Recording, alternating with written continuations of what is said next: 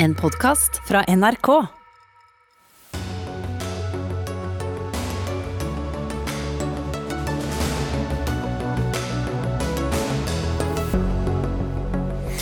Joe Biden dobler ledelsen i Nevada og leder også opptellingen i Pennsylvania, som kan sikre ham seieren. Presidentvalget 2020 kan snart være avgjort. Men for Donald Trump er tilsynelatende ingenting avgjort. Han hevder stadig at det er valgfusk. Mens de nasjonale smitteverntiltakene som ble annonsert i Norge i går var en solid innstramming, velger i dag Bergen og Oslo å gå enda lenger. Og Ole Gunnar Solskjærs dager som manager i eh, Manchester United kan være talte. Fire tap på ni storkamper kan bringe nordmøringen veldig nærme en rulletekst i den engelske storklubben. Dette, mine damer og herrer, er ukens siste Dagsnytt 18. Jeg heter Espen Aas, og med fare for å gi dere et slags déjà vu, vi starter med presidentvalgkampen i USA. For nå drar det seg til. Joe Biden har altså doblet ledelsen i Nevada og leder opptellingen i delstaten Pennsylvania, etter at en stor del av poststemmene fra Philadelphia gikk nettopp til ham. Han ligger likevel foran med bare noen tusen stemmer ut fra over 6,5 millioner stemmer. Men vinner da Biden Pennsylvania, vinner han valget og er i så fall USAs neste president. Samtidig har delstaten Georgia varslet omtelling. Også der er det svært, svært tett tett mellom de to, med Biden knepet, knepent på topp. Tove Bjørgaas, utenriksmedarbeider her i NRK. Hvor nærme er vi en avgjørelse? Vi er veldig veldig nærme. Det siste som skjedde, som du sa nå, var at Joe Biden doblet sin ledelse i delstaten Nevada Riktignok leder han bare med 22 000 stemmer der, men han leder med 1,7% av stemmene. Og det er ganske mye. Disse prosenttallene blir viktige nå, fordi hvis du ligger under 1 eh, da er det mange steder lett å, at det blir omtelling av stemmene, rett og slett. Mm, slik men, som i Pennsylvania? Ja, slik som det kan bli i Pennsylvania, og også i Georgia, hvor han leder med 1584 stemmer. så, så, det som vi skal vente på nå, er at klokka sju så har de sagt at stemmene, forhåndsstemmene og poststemmene fra Las Vegas skal legges fram. Og der bor det også mange demokrater. Eh, og det kan kanskje være det som fører Joe Biden eh, Og Da snakker vi om Nevada, for de som ikke Nevada, husker geografien. Nevada, ja. og det kan gjøre at han da blir erklært som vinner i den delstaten, eh, tror jeg. Og dermed så vil han eh, ha 270 valgmannsstemmer, mm. ifølge eh, Associated Press, som NRK følger. Det er jo slik at disse amerikanske mediene og de internasjonale nyhetsbyråene er de som utroper, regner ut utroper når man kan love at en president har fått nok til å vinne. Mm. Og For dere som følger sendingen vår på NRK1, så kan dere altså uh, gjennom denne sendingen få se mange av disse tallene. Per nå er det altså 264 valgmenn som er bekreftet for Joe Biden. Det er altså det magiske 270 som trengs for å bli vinner. Men USA-korrespondent Veronica Westrin, du er i Wilmington Washington i Delaware, hjembyen til eh, Joe Biden. Demokratenes leder i Representantenes hus, Nancy Pelosi, har allerede slått fast at eh, Biden er vinneren, men, eh, men selv har han ennå ikke turt å ta denne seieren på forskudd, naturligvis. Men alle venter jo på å høre fra ham. Ja, og Biden-kampanjen har jo vært tydelig på at de er sikre på at eh, Biden er USAs neste president i to dager nå. De har venta på alle disse poststemmene som skal tikke inn, og det vi ser er jo at han øker ledelsen i flere av disse statene. Men de sitter jo nå og venter spesielt på Pennsylvania og Nevada. Eh, samtidig så har han altså, som du sier, ikke sjøl brukt disse ordene. Nå hørte vi Nancy Pelosi nettopp gjøre det, men det er ventet at eh, Biden kjører forbi her litt seinere i dag. og skal skal holde en tale til det amerikanske folk. Det har han jo gjort hver eneste dag siden valgdagen. Og det vi også får høre, er at han da kommer til å varsle eh, hvordan, eh, hvem som skal lede da, eh, overgangsfasen framover. Og han har jo hatt et sånn stort overgangsteam som har jobba med dette i flere måneder allerede. Så kanskje blir vi litt klokere i løpet av dagen, men vi venter jo fortsatt fortsatt på alle disse stemmene, som du sier. Og det er også forventa at han kommer til å ringe majoritetsleder i Senatet, Mitch McConnell, som han antageligvis, eh, for det ser jo ut som det er republikanerne som tar Senatet, selv om der er det også spennende å følge med på Georgia, men som han da kan bli tvunget til å måtte samarbeide med. Det hadde jo vært ønskelig for demokratene at de også tok eh, Senatet, ettersom eh, det er stedet man må gjennom for å få utnevnt den riktige, viktige posisjonen, f.eks. som høyesterettsdommere, som vi vet Trump fikk utnevnt tre av i ja. den, sin første periode.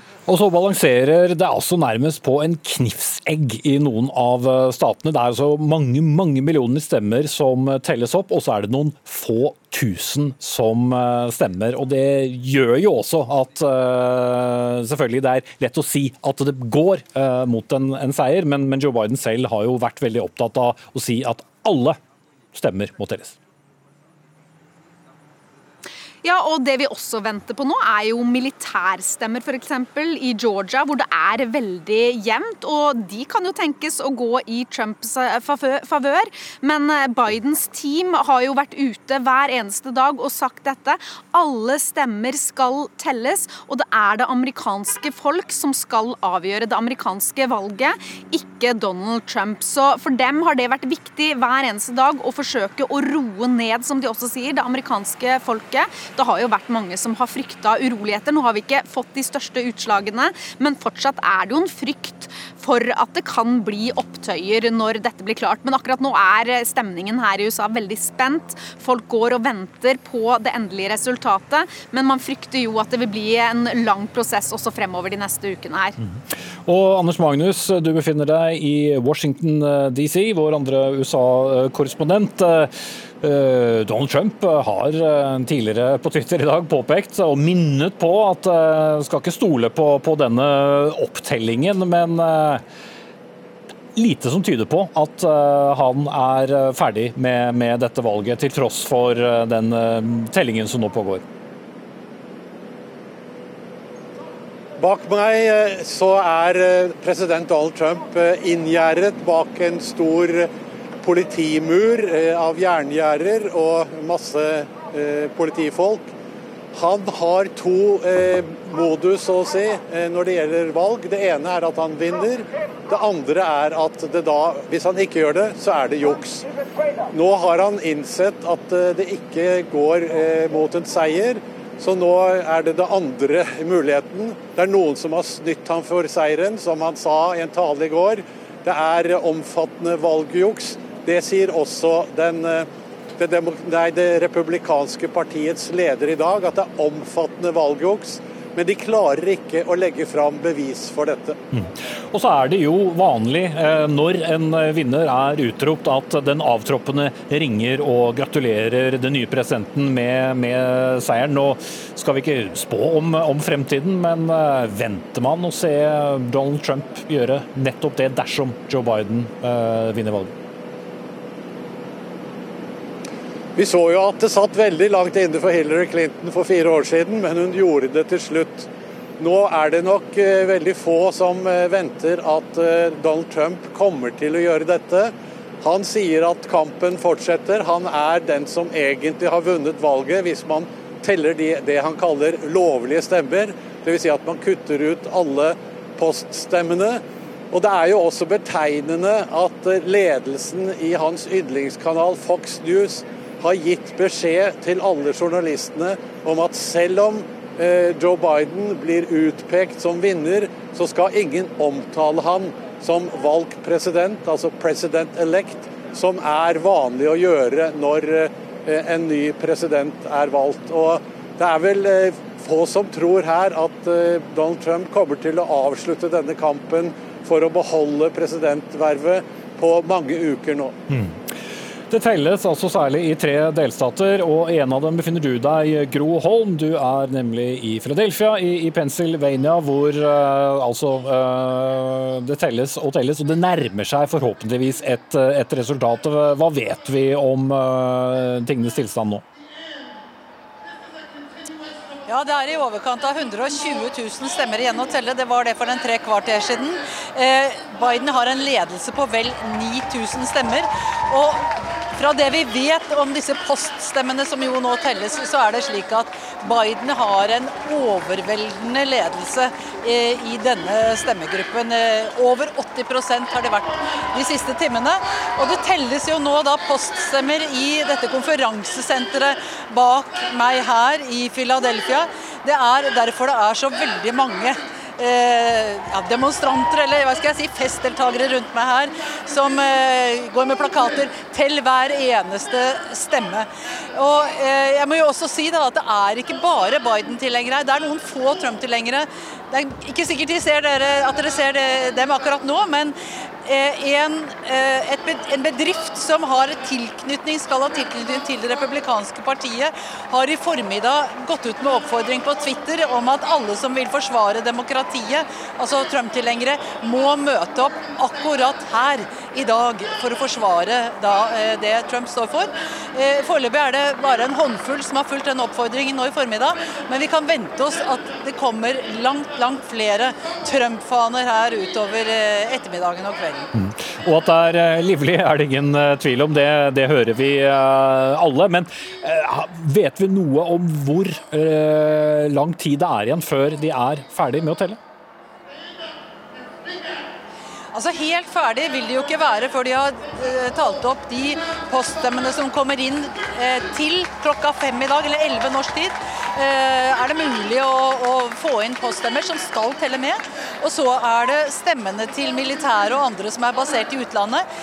De har en frist på seg til tirsdag i neste uke, den tiende. Men jeg tror nok slik det ser ut nå, og det vi kan tolke av det som er sagt fra myndighetene her, så vil man, når det er eh, sikkert at Trump ikke har noen sjanse til å kunne nå igjen det som nå er Bidens forsprang, så vil man gå ut og si at nå er det, nå er det klart at Biden har vunnet. Mm. Og det kan, skje, det kan skje i løpet av dagen.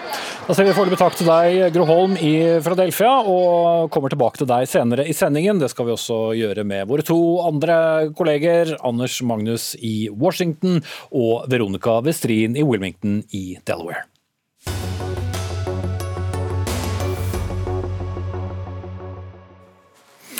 Flere TV-kanaler stoppet Donald Trumps tale i går fordi de sa det han sa ikke var sant. Noe slikt hadde aldri skjedd i Norge, sier kringkastingssjefen i NRK. Han kommer til oss litt senere i sendingen.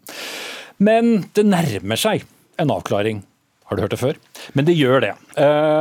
I øyeblikket så ser det ut som den avklaringen er at Joe Biden er USAs neste president. Men den sittende presidenten er, som vi vet, altså ikke enig i opptellingen, og har hevdet at det telles ulovlige eller ikke gyldige stemmer, som nettopp skulle sørge for flertall til hans motstander.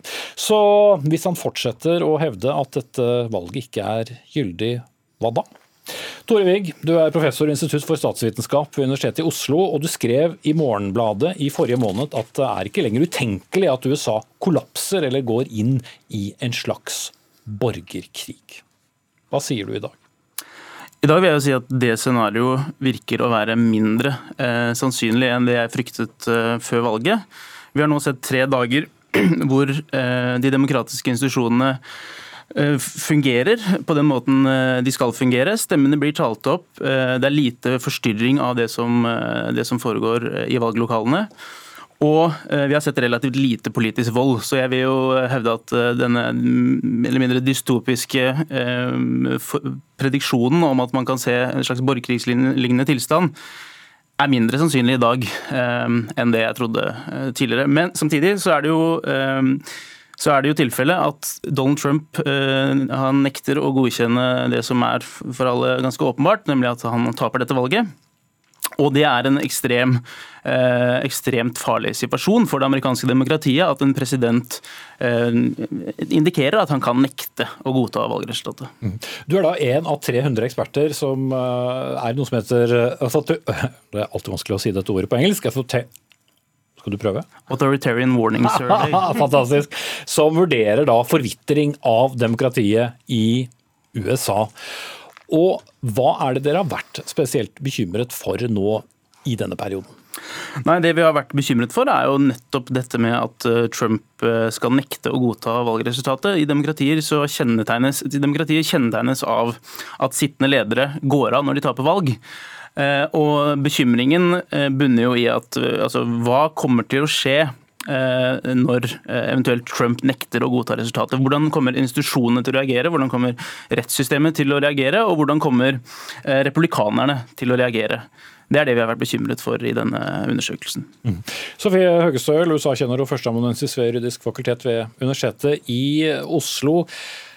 Dette er uh, demokratiet, men hvis demokratiet fungerer som det skal, og, Joe Biden innsettes som neste president i, uh, januar, hva bør han gjøre med den halvparten av uh, velgere som ikke ville at han skulle bli president, og som også har påvirket sammensetningen politisk ellers? Absolutt. Det som er spennende nå, er jo at det ser ut som om eh, kanskje republikanerne nå beholder Senatet. Og da betyr det at hvis Joe Biden skulle vinne dette valget her, så kan det være en ny power couple som vi skal holde øynene åpne for. Og det er da Mitch McConnell, som da vil fortsette antageligvis som leder for Senatet, som allerede er da en republikaner, gammel ringrev, og Joe Biden da som president. Og de to vil jo da måtte styre landet sammen. Eh, for det er sånn det amerikanske systemet fungerer. Når Joe Biden ønsker å utnevne ambassadører eller statsråder, så må det godkjennes av Senatet. Eh, hvis han vil utnevne dommere, så må det godkjennes av Senatet. Skal han få et budsjett, så må det godkjennes av Senatet. Og jeg tenker at For at USA skal lykkes de neste to årene, da, inntil neste valg, hvis dette er valgresultatet, så må disse to herrene rett og slett jobbe sammen. Mm. Og Joe Biden har jo sagt ofte at dette er jeg flink til. For de to herrene har jobbet sammen i Senatet før. Men Eh, det forutsetter jo det. Og hvis det da mm. blir mange gnisninger, og mm. hvis eh, de to partiblokkene blir stående mot hverandre, mm. så vil det jo bli en, kan jo bli en veldig svak eh, president. Eller hvert fall som vil måtte bruke veldig mye tid og politisk håndverk for å få gjennom sakene. Ja, og det var jo det man så mot slutten av Obamas periode, da det var hans realitet. og Joe Biden var jo hans visepresident, så Joe Biden har jo vært ute i en sånn situasjon før og sett hvordan det er. Um, så han vet nok hva de fallgruvene er, men det store spørsmålet er Han har jo sagt i flere måneder at han skal unite the country, at han, han skal være alles president.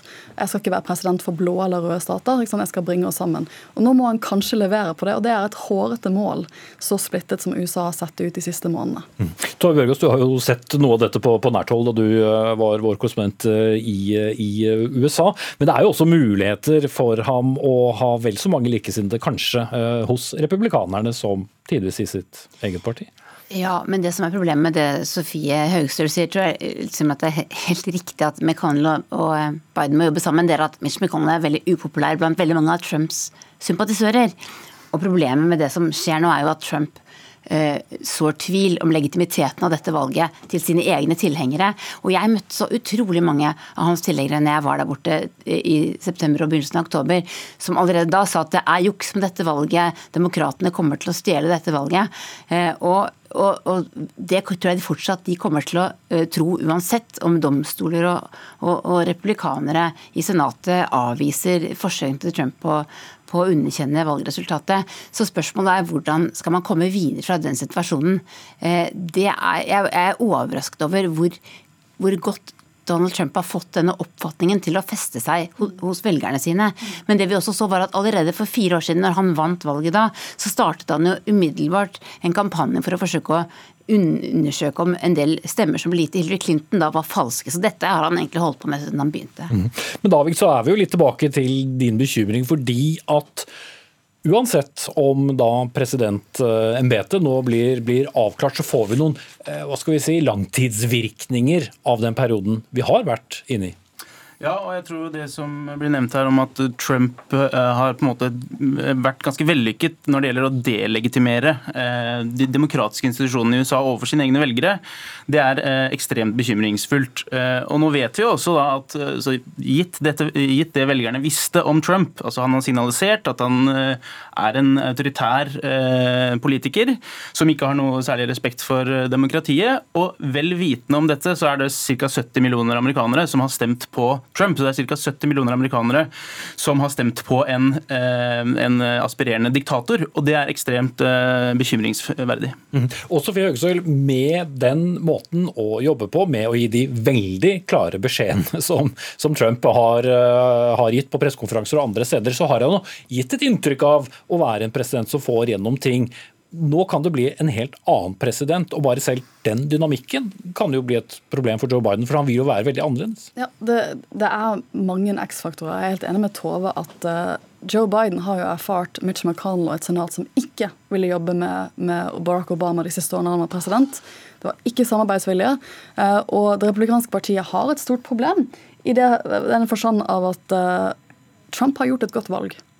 Det er vanskelig å ikke se på valgresultatet og de tallene vi har nå, og ikke si at han har gjort et ganske godt valg. Særlig i Florida, altså en del stater, så har han virkelig gjort det. Så amerikanske velgere har en stor appetitt på en Donald Trump eller noen som ligner? Ja, altså de har i alle fall stemt på han ved dette valget. Det er jo det vi vet. Det har kommet ut i rekordantall på begge sider her, um, og, og, han har fortsatt gjort et, et, veldig godt valg. Og det er jo hva gjør den mannen de neste fire årene? Det er jo det som er det store spørsmålet for begge parter her.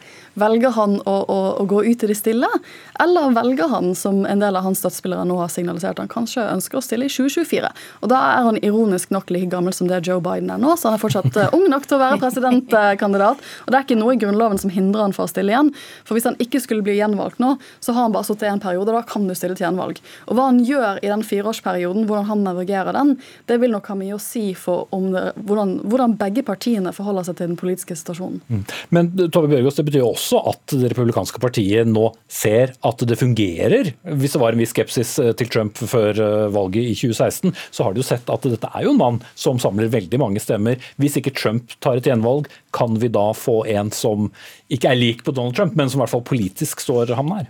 Det de har jobbet veldig mye med Trump-kampanjen, er også å rekruttere politikere til Kongressen, spesielt til Representantenes hus, men også til Senatet, som ligner på Trump. Eh, og det finnes mange politikere nå i den amerikanske kongressen som er ganske nær Trump politisk.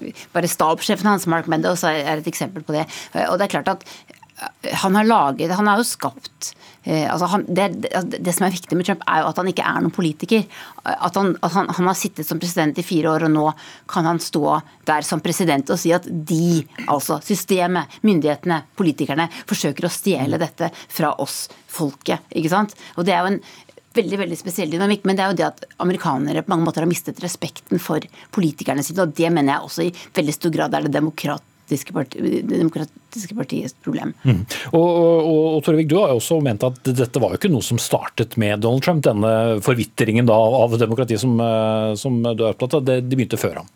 Ja, og det er jo eh, Et eksempel er jo en del forskning på det replikanske partiets demokratiske holdninger og, og, og, politikk. og Der er det jo nå en nylig publisert eh, studie som ser på ulike partier rundt omkring i verden. Eh, og hvor Man identifiserer da at det replikanske partiet har hatt en autoritær glidning helt tilbake til rundt år 2000.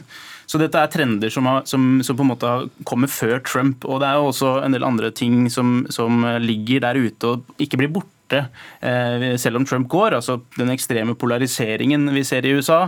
Eh, ekstremt høy ulikhet. Eh, alle ting som på en måte vil gi grobunn for en potensiell arvtaker til Trump, som kan være like autoritær og kanskje til og med enda mer eh, kompetent politisk. Så det er jo ganske bekymringsfullt å se hva det er som kommer etter Trump. da. Mm. Og også hvordan Joe Biden, hvis han fullfører da denne perioden, vil virke, og om den appetitten for eh, en ny Trump eh, bare øker. Ja, og, og, Det er mange som har vært veldig kritiske til at Joe Biden ble den demokratiske kandidaten, men jeg tror kanskje at, at det var ganske lurt av demokratene, fordi han klarer å få en del av disse velgerne på midten, men også fordi han har veldig lang erfaring fra denne forhandlingen i det politiske systemet som Sofie Høgestøl snakker om, med f.eks. et senat med en annet partiflertall. Han kan sannsynligvis få til mer enn det en Barack Obama-type president ville, ville kunnet få til i den veldig, veldig vanskelige politiske situasjonen. Mm. Det er ikke lov å si lenger at det blir spennende. Men uh, vi teller. Vi skal ha litt andre temaer nå. Men så fort det skjer noe i USA, så kommer vi tilbake. Takk til Sofie Høgestøl, Tore Wigg, professor ved Institutt for statsvitenskap, og også en del av Authoritarian Warning Survey, nå tror jeg fikk sagt det riktig, og også vår egen Tove Bjørgaas, som blir med oss videre i sendingen.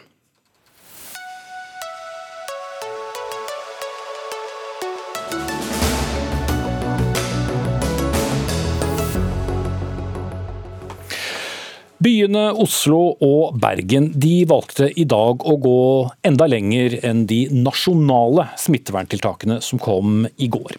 Oslo kommune innfører det de kaller en sosial nedstengning av, nedstengning av samfunnet i tiden som kommer, fra midnatt natt til tirsdag. Da blir det full skjenkestopp, stenging av kinoer, svømmehaller og treningssentre, mens Bergen innfører det samme allerede i morgen. Men i Bergen velger de å ha skjenking fortsatt, iallfall frem til 21.30.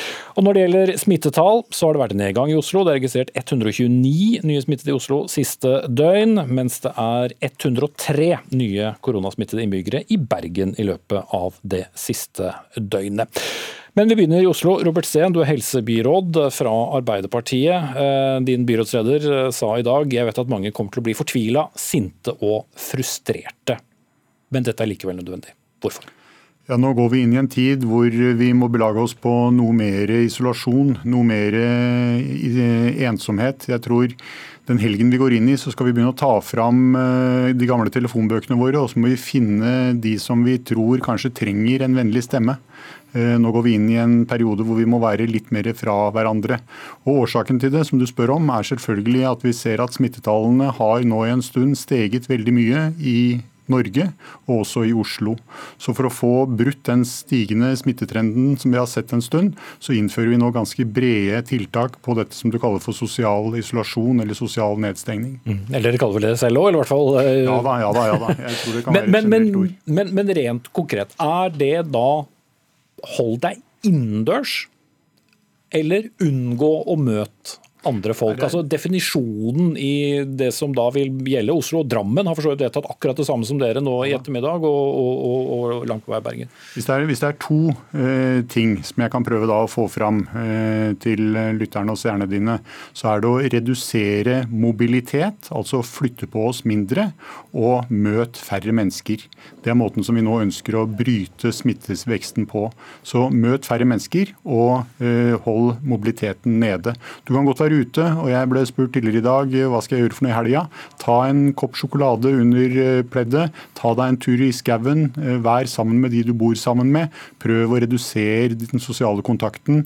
og Hvis vi klarer å gjøre det nå et par-tre uker, så kommer vi til å være den hovedstaden i Vest-Europa som klarte å bryte banen på et tidlig tidspunkt og komme oss gjennom dette på en helt annen måte enn det du vil se i resten av Europa. Men er det et resultat av at vi var for opptatt av å åpne, og også for opptatt av å f.eks. la arbeidere fra utenfor Norge komme tilbake? Jeg tror nok at eh, Espen Nakstad har nok bedre innsikt i det. og jeg tror nok også at eh, Evalueringen skal vi komme tilbake til når vi er igjennom eh, pandemien. Nå tror jeg hovedfokuset vårt handler egentlig om å få smittestigningen ned. og at det er det som er hovedfokuset.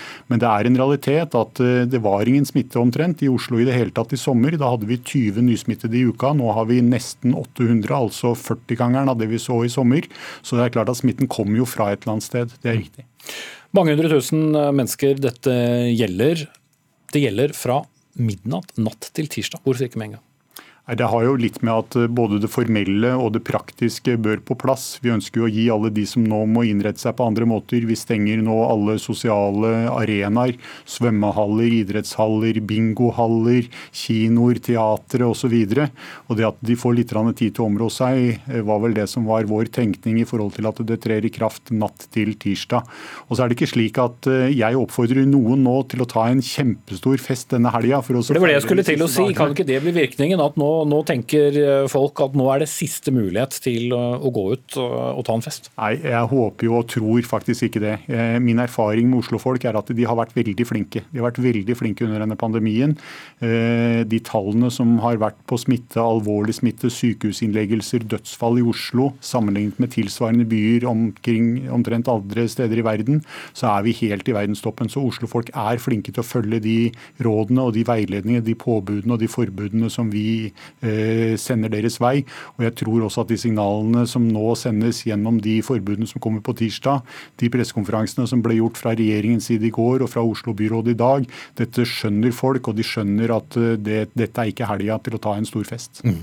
Men er det også dødsstøtet nå for mange virksomheter. Selv om vel ikke restaurantene nødvendigvis må stenge, så har du ikke akkurat oppfordret folk til å gå ut og spise de neste ukene. Nei da. Nå holder restaurantene åpne, i hvert fall en del av de. Og Årsaken til det er jo fordi at det er mange som faktisk spiser, skaffer seg sin mat på restauranter. Så det vi gjør er jo at vi stenger for alkoholservering fra natt til tirsdag. Du vil egentlig ikke at folk skal gå ut? Nei, vi ønsker egentlig minst mulig mobilitet og minst mulig sosial omgang i noen uker nå for å få brutt smittestigningen. Og så appellerer vi på det varmeste til regjeringen at det settes i stand økonomiske pakker som kompenserer for de bransjene som nå virkelig lider, og som også har min største sympati. Mm. Vi inviterte regjeringen, de takket nei. Jeg takker deg av nå, Robert Sehn, helsebyråd i Oslo for eh, Arbeiderpartiet. Gjentar altså at Drammen nå i ettermiddag har vedtatt like strenge tiltak som Oslo. Og i Bergen eh, skal vi nå der, er også tiltakene som jeg nevnte innledningsvis eh, skjerpet. Ganske likt som i Oslo og Drammen, men der er det fortsatt åpent for skjenking. Men kun frem til 21.30, halv ti på kvelden. Byrådsleder i Bergen, Roger Valhammer, også du fra Arbeiderpartiet. Eh, dere innfører disse tiltakene allerede fra i morgen. Hvorfor det? Bakgrunnen for det er at eh, vi har, eh, og jeg har hatt vondt i magen i flere dager. Vi har sett en utvikling som ikke har likt i Bergen. Og vi har strenge tiltak i dag, som på tross av det har vi ny rekord i dag med 103. Vi har hatt flere rekorder denne uka. Så vi har smitteutbrudd og smitteutvikling som er eksplosiv. og Derfor har vi vært forberedt på at vi må innføre strenge tiltak, men vi ville avvente regjeringens tiltak og anbefalinger. Eh, og Derfor var vi godt forberedt eh, på torsdag når de kom. og Vi satte raskt i gang med både å koordinere med nabokommunene våre, som òg har innført eh, tiltak i dag. Eh, og vi varsla allerede i går kveld hva som kunne komme, eh, sånn at folk skulle være forberedt. At på lørdag vil det komme en ny forskrift. og Det vil innebære f.eks. at alle som har planlagt arrangementer eller sosiale sammenkomster i helga, de bør planlegge å avlyse de. Og Det er bakgrunnen for det, bare for å glemme å svare på spørsmålet. Det er at det er en så kritisk situasjon at vi mener at hver dag teller. Eh, og Det er iallfall den klare anbefalingen vi får fra vår medisinske fagsjef og fagmiljø, at det haster. og da Eh, har vi agert så raskt som overhodet mulig, og samtidig forsøkt å gi en viss forutsigbarhet for eh, bergensere og striler i vår region. Mm. Du stenger eh, museer, du stenger treningssentre og du stenger svømmehaller, men folk kan fortsatt gå ut og drikke fram til klokken halv ti, for de som måtte lure på logikken. Vær så god. Eh, vi har jo gått gjennom alle anbefalingene fra regjeringen. Eh, og Et av eh, tiltakene de anbefaler oss, var jo å vurdere skjenkestopp eller stenging klokka ti. Vi valgte å stenge alle serveringssteder klokka ti, og da skjenkestopp fra 21.30. Det betyr i praksis at de fleste utesteder og utelivsaktører vil stenge ned, fordi at det ikke er liv laga. Men vi har valgt å ikke gi en skjenkestopp på dagtid og kveldstid, sånn at hvis de restaurantene som er åpne, så tror ikke vi utfordringen er at det serveres et glass vin til maten hvis noen har lyst på det. Eh, men eh, bakgrunnen for det tiltaket er at eh, det nå ikke er tid for å ha noe uteliv. Det er ikke noe tid for å møtes noe særlig i, i, byen vår heller. Men som Robert Steen var inne på, så er det å ha noen muligheter for å spise f.eks., det å ha noen trygge og tryggere steder å være i offentlig, eh, offentligheten, for å si sånn, eller på offentlig sted, når vi òg strammer inn på private sammenkomster. I Bergen vil det være krav til maks fem i private sammenkomster, med en del unntak knyttet til barn og familier. Eh, fra og med i morgen så må det være noen muligheter til f.eks. å kunne gå på en restaurant. Eh, men vi regner med at veldig mange kommer til å stenge ned, fordi vi eh, krever at de stenger så tidlig som klokka ti. Mm. Og mange av utestedene og for restaurantene som eh, ligger på, på, rekke og rad i din by, det er vel også en erkjennelse at ikke nødvendigvis alle kommer til å ha en jobb å gå tilbake til? Ja, altså min, min, bekymring har vært ganske stor hele høsten. Vi har veldig mange arbeidsplasser nå som står i stor fare. Det har de egentlig gjort lenge. Eh, jeg føler at det er ganske åpenbart at en del kommer til å stenge nå, kanskje ikke åpne opp igjen. Så jeg har vært tydelig i dag at regjeringen må komme på banen veldig raskt med en oppdatert og fornya tiltakspakke. Om ikke det gjelder hele landet, så må Oslo-regionen og Bergensregionen, som nå rammes så hardt, og vi tar vårt ansvar, vi stenger ned, Eh, vi skal nå ta eh, den kuren eh, og sørge for å stoppe smitten her, som landet trenger. Nabokommunene gjør det, og da trenger vi at regjeringen stiller opp for næringslivet og for kulturlivet. Og om mulig så bør de ha da regionale pakker som treffer byene som nå rammes knallhardt. For ellers så har ikke mm. folk en jobb å gå til, sannsynligvis allerede om noen uker, fordi at vi har så mange konkurser. Som sagt, eh, ingen regjeringsmedlemmer til stede i eh, dette studio for å svare på det. Jeg takker av deg også, Roger Valhammer. Går til studio her, assisterende helsedirektør Espen Rostrup eh, Nakstad, Oslo, Drammen, Bergen. Kanskje ser vi bare uh, starten, flere, og, og, flere omliggende kommuner gjør også uh, det samme. Uh, vil det hjelpe? Dette er kraftige tiltak. Hvis du legger sammen det som kom i går av nasjonale tiltak, pluss det som nå innføres i regioner med økt smitte, så er det samlet sett veldig kraftige tiltak. og Det er det nærmeste nesten vi kommer en nedstengning. Men det er ikke ting som stenges ned. Eh, skoler og barnehager er fortsatt åpne, butikker er fortsatt åpne, men det er det nærmeste vi kommer. Og Det er dessverre sånn at det vil få mange uheldige konsekvenser på kort sikt. Det er det ingen tvil om, og det er vi bekymra for, og jobber mye med hvordan vi skal kompensere for det. Men det er dessverre nødvendig og eh, alternativet er så mye verre. Så, sånn sett så vil jeg gjerne skryte av både Oslo og Bergen og de andre i dag, som har gjort dette, fulgt de anbefalingene som er ligget. Denne gangen har dette vært veldig godt forberedt i norsk forvaltning, eh, og dette tror jeg vil kunne eh, bryte smittekurven om ikke så veldig mange dagene, og det er det vi alle håper. Mm. Så hørte vi Valhammer snakke om de omliggende kommunene til Bergen. Rundt Oslo så har vi et fylke som heter Viken, masse kommuner der. Oslo er sånn sett munnviken. Truls Wickholm, du er ordfører i Nesodden kommune, en halvøy som eh, stikker ut i Oslofjorden, og veien er kort over til hovedstaden. Du har egentlig fått beskjed du, i dag om å gjøre det samme som eh, Oslo. Trenger du det i din kommune? Så Vi fikk jo egentlig beskjed av eh, helseministeren i går om at vi hadde for ulike tiltak i kommunene rundt Oslo. En del av de var for svake, og det var et problem med at mange av de var henstilling, anbefalinger og ikke var forskriftsfesta. Eh, og at vi skulle prøve å samordne oss om eh, tiltak. Eh, den oppgaven tok, tok, Fylkesmannen. Hadde et møte med henne i går hvor beskjeden, hvor beskjeden egentlig var at min klare forventning til dere er at dere gjør eh, det samme som eh, Oslo gjør, og at dere forskriftsfester de tiltakene. Mm.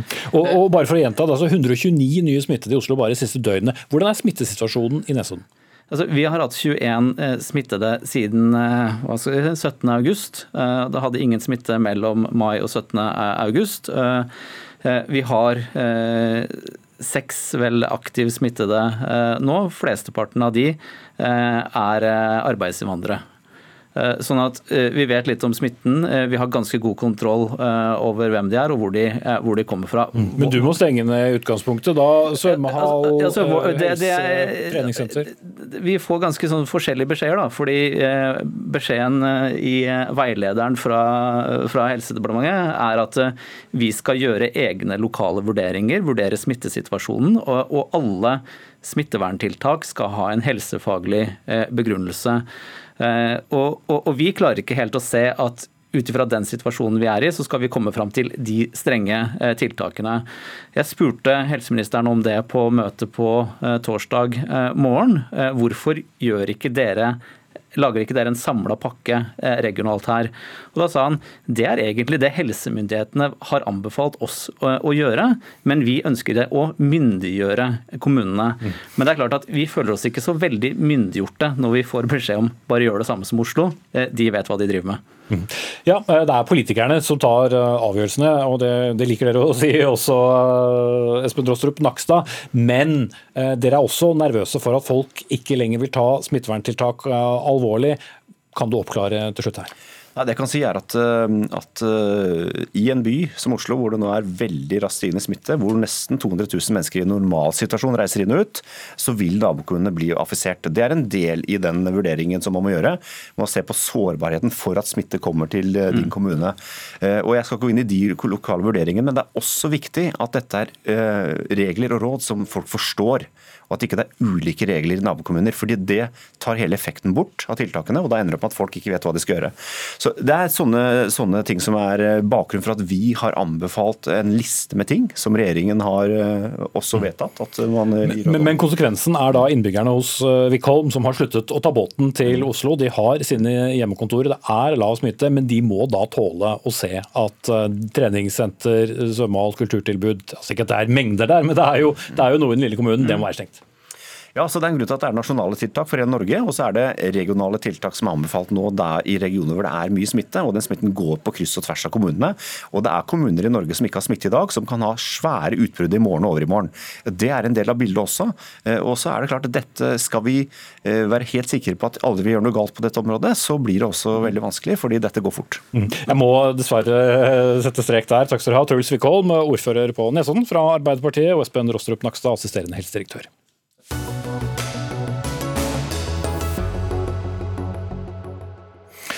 Vi skal tilbake til eh, USA, og vi skal eh, snakke om talen som Donald, Donald Trump eh, holdt, som ble stanset. Hvor han bl.a. kom med nye anklager om valgfusk. Flere TV-kanaler, ABC, CBS og NBC, kuttet sendingen fra Det hvite hus da Trump kom med disse anklagene.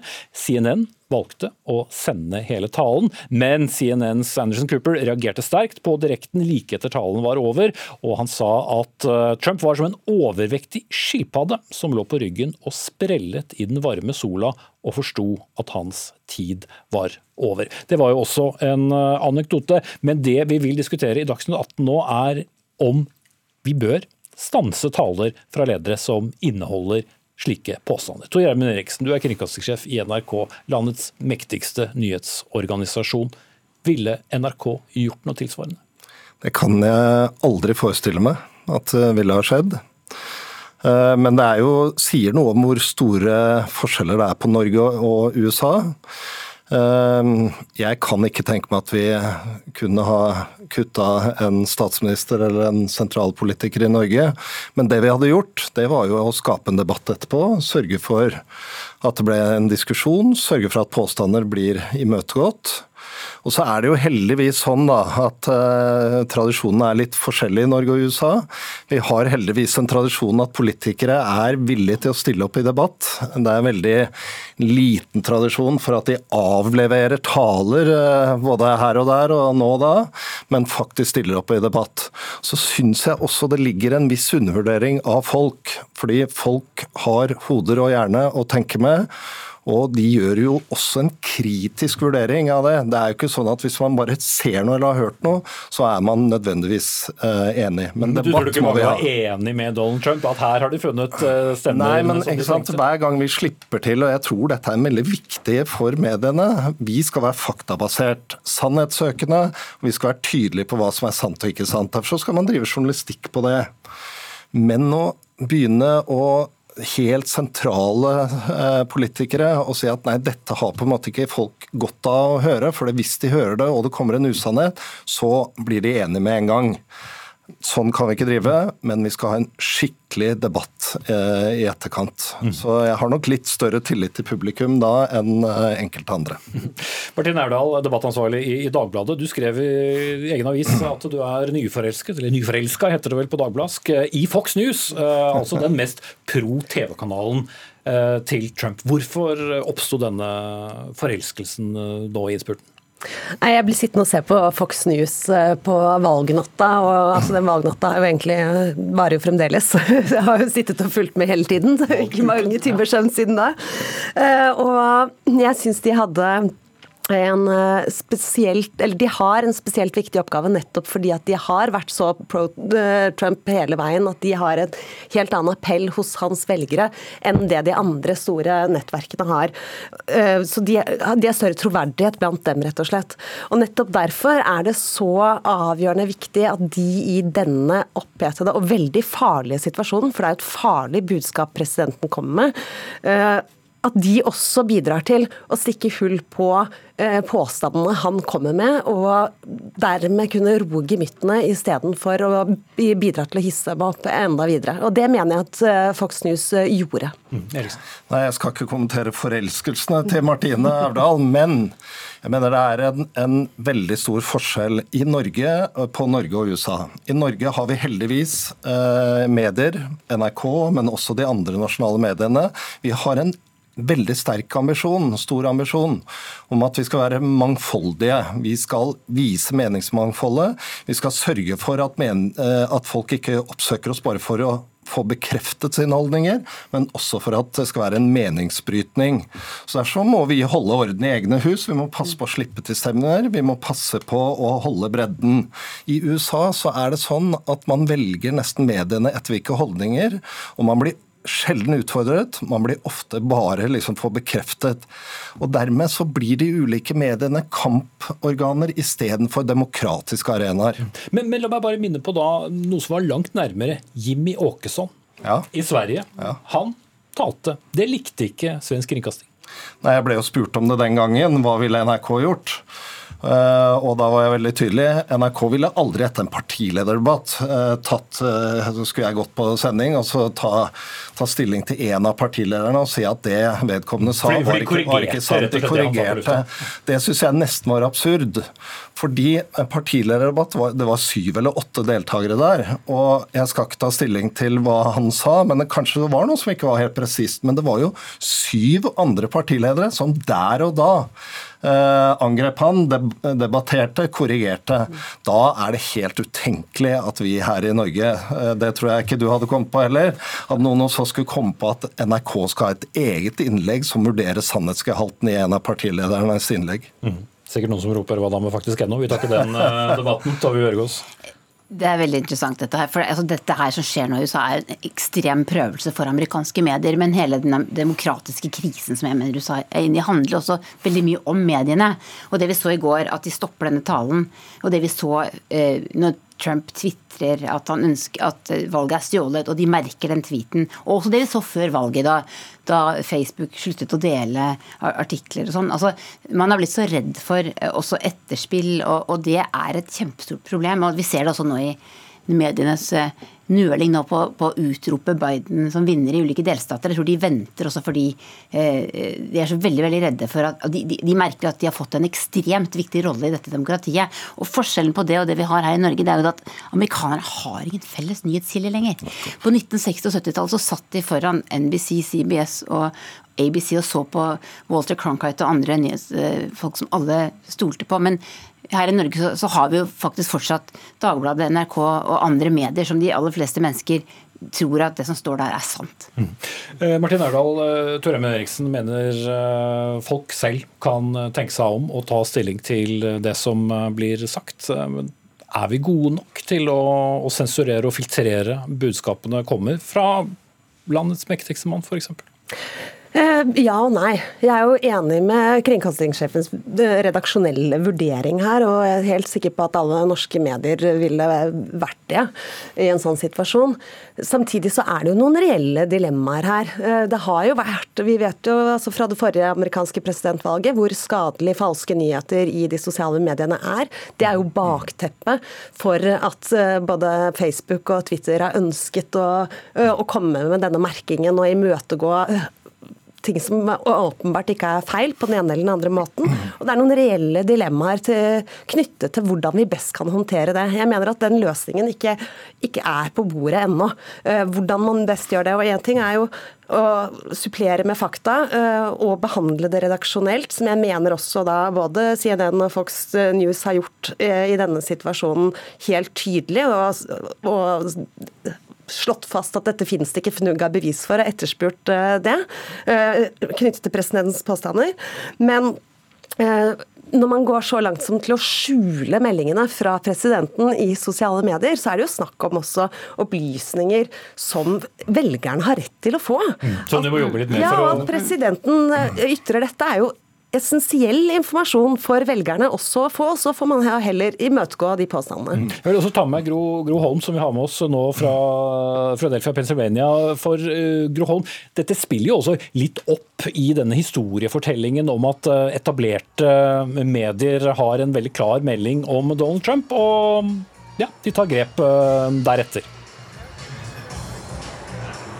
Ja, absolutt. Og vi ser nå bak meg her, nå mobiliserer Trump-siden. Det har for så vidt gått via sosiale medier eh, med en konto som skal tilhøre eh, noen som står det republikanske partiet nær. De har eh, brukt da Twitter til å få sine tilhengere ut. Så nå står Trump-tilhengere på den ene siden her, og nå, akkurat nå kan dere ikke se Biden-tilhengerne og deres gule skjorter på den andre siden, men de står nå rett eh, vis-à-vis hverandre. Foreløpig foregår alt veldig fredelig og pent og pyntig, men det er klart eh, det å sensurere presidenten i en sånn situasjon, det er jo nettopp egnet til å mobilisere eh, i dette tilfellet Trump-tilhengerne. Og det bygger opp under den fortellingen som du sa, at, at de etablerte sensurerer det Trump står for, og det hans tilhengere står for. Mm. Runda med deg, Tøyemen Eriksen. Det er jo mange som liker å fortelle den fortellingen om NRK som en Arbeiderparti-vennlig kanal gjennom mange år. Trekke inn partibakgrunner til kringkastingssjefer osv. Og, og uten å begynne å snakke om NRK, men som jeg var inne på i sted, nettopp det at store eh, medier velger å sensurere sosiale medier, de gir jo egentlig noen rett, da. At ikke de vil men, la folk høre Donald Trump. Men det bildet du tegner der, kunne man jo tegne enda bredere. Nesten alle medier hadde en agenda i Norge på 50-, og 60- og 70-tallet. Og, og, hele statsapparatet var vel med på å bygge liksom, Norge og, og, og, det. Men i dag så ser vi måler jo tillit. Eh, vi ser at vi har veldig høy tillit nå i alle partier, egentlig. Og det er riktig at folk kan tenke sjøl, som du viste til at jeg hadde sagt, men det forutsetter jo at vi som mediene holder orden og slipper til et bredt spekter av meninger og slipper til debatten, sånn at folk kan uh, se hele bildet. Mm. Og det har vi heldigvis i Norge. Mm. Jeg må inn uh, om våre to korrespondenter i uh, USA før de skal videre til, til Dagsrevyen. Veronica Westrin, spenningen stiger, stemmer telles. Vet vi noe mer om når vi får høre noe mer fra Joe Biden rundt eh, de resultatene som kanskje foreligger snart tikker akkurat eh, nå inn meldinger om at han kommer til å holde en tale til det amerikanske folk i kveld amerikansk tid. Det betyr jo veldig seint for dere hjemme i Norge norsk tid. Vi har ennå ikke sett han kjøre ut herfra i dag, så han sitter nok inne nå og forbereder denne talen. Han har jo vært ute og snakka til det amerikanske folk hver dag de siste dagene, men det spørs om ikke det han sitter og forbereder nå, er en seierstale. Hver dag de siste to dagene har jo Biden kampanjen gått ut og sagt at de er sikre på seier. Nå ser vi at eh, disse resultatene som de har snakka om, tikker inn i Bidens favør. Han leder altså i flere av disse viktige vippestatene som Nevada, Pennsylvania, og vi sitter jo alle og venter på å få de endelige tallene der. Ja. Det har jo også blitt sagt at Biden ikke kommer til å holde denne talen før det avklares av amerikansk media, men det er jo noen som har begynt å erklære han som vinner allerede, som vi vet. Mm. Og Anders Magnus i Washington, vi tror vel ikke Donald Trump uh skriver på en mulig avskjedstale? Nei, det gjør han nok ikke. Og han eh, får jo fortsatt en stilltiende støtte fra flertallet innen sitt eget parti, republikanerne. Det er noen eh, av senatorene i partiet som har gått ut mot han, men de fleste av dem har vært kritiske til han eh, for lenge siden. Men de aller fleste sitter stille, og så får han full, helhjertet støtte fra noen Eh, blant dem er visepresident Mike Pence. Og Apropos det eh, dere snakket om, eh, om sosiale medier. Han får jo voldsom oppfølging på sosiale medier. Denne fortellingen om at valget er stjålet, den sprer seg som ild i tørt gress på Twitter og Facebook nå. Og Facebook hadde jo en gruppe som het Stopp the Steal, altså stans stjelingen av valget. Det er den raskest voksende Facebook-gruppe noensinne. Eh, den fikk 300 eh, 000 følgere på veldig kort tid. Men nå har Facebook eh, stanset hele gruppen fordi de sier at det har vært oppfordringer til vold i, denne, i meldingene som har kommet på denne gruppen. Som et apropos til det som Twitter også gjør. De legger jo et filter oppå meldingene til Trump, slik at man må trykke på en egen knapp for å få se hva han virkelig skrev. Men vi får jo se det, da. Takk skal du ha, Anders Magnus. Jeg takker av Tørrem Eriksen, kringkastingssjef i NRK, og Martine Aurdal, debattansvarlig i Dagbladet nå. For nå skal vi snakke litt om fotball før vi runder av med valget.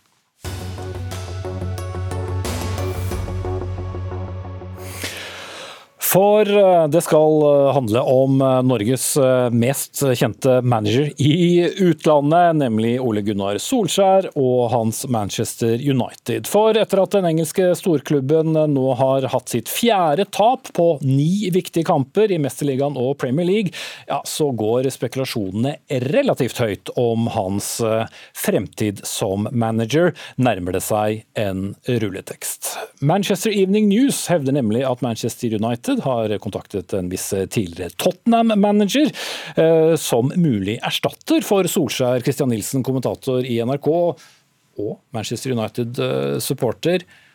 Er det slutt for Solskjær nå? Nei, jeg tror ikke det. Jeg tror at klubben kommer til å holde seg til den planen som de har, hvor de ser at det er veldig mye som må gjøres i forskjellige ledd eh, i klubben, og at det kommer til å ta tid, et par to-tre år til før de eventuelt kommer opp på det samme nivået som de har vært på tidligere. Samtidig så vet man aldri, fordi dynamikken rundt fotballklubber på dette nivået, dynamikken rundt trenere, det er at de har tillit til de ikke har tillit lenger. Og hvis resultatene over tid er for dårlig, så kommer treneren til å få sparken, uansett hvor mye godt som gjøres bak scenen. Mm. Skal eh, bevege oss til London og deg, Bjarte Valen. Du er journalist i supporterbladet eh, United-supporteren, Manchester Uniteds skandinaviske supporterklubb. Jeg hørte BBCs sportsnyheter i, i, morges. Det var eh, mye snakk om, om, Solskjær der. Hvordan vurderer de disse opplysningene fra Manchester Evening News om at eh, United skal ha kontaktet uh, Pochettino uh, som en mulig erstatter for Solskjær, også den tidligere Tottenham-manager? Ja, det er jo, eh, Pochettino var jo eh, en manager som United har sett på og vurdert tidligere. United har jo eh, vært interessert i han tidligere. Han er kanskje en av de mest interessante managerne som er tilgjengelig. Eh, men det som er veldig interessant, det er det at når Manchester Evening News skrev denne saken om at United skulle ha vært i kontakt med Pochettino sin camp, så var det veldig få av de journalistene som følger United aller tettest, som kaster seg på den bølgen. Ergo så er jeg litt skeptisk til å hoppe på de ryktene og ta det for god fisk. Eh, men som Kristian var inne på, resultatene så langt denne sesongen de har ikke vært gode nok. Mm. Men og, ja, jeg, jeg, skal bare si at uh, i morgen så er det kamp mot uh, Everton. Kan det uh, skru skruen ytterligere til for Solskjær hvis det skulle bli tapt der? Skruen vil bli tettere, det er ikke det tvil om. Men jeg tror ikke det kommer til å bli kroken på døren. For det, som, som Christian nå var inne på, det Solskjær har gjort veldig mye riktig som Manchester United-manager i, i, de to årene han har sittet der snart nå.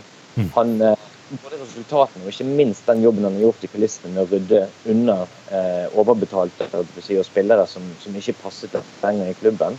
Satset på ungdommen. United har dette uttrykket som de bruker internt, cultural reboot vi skal tilbake til identiteten som de hadde under Førgesen.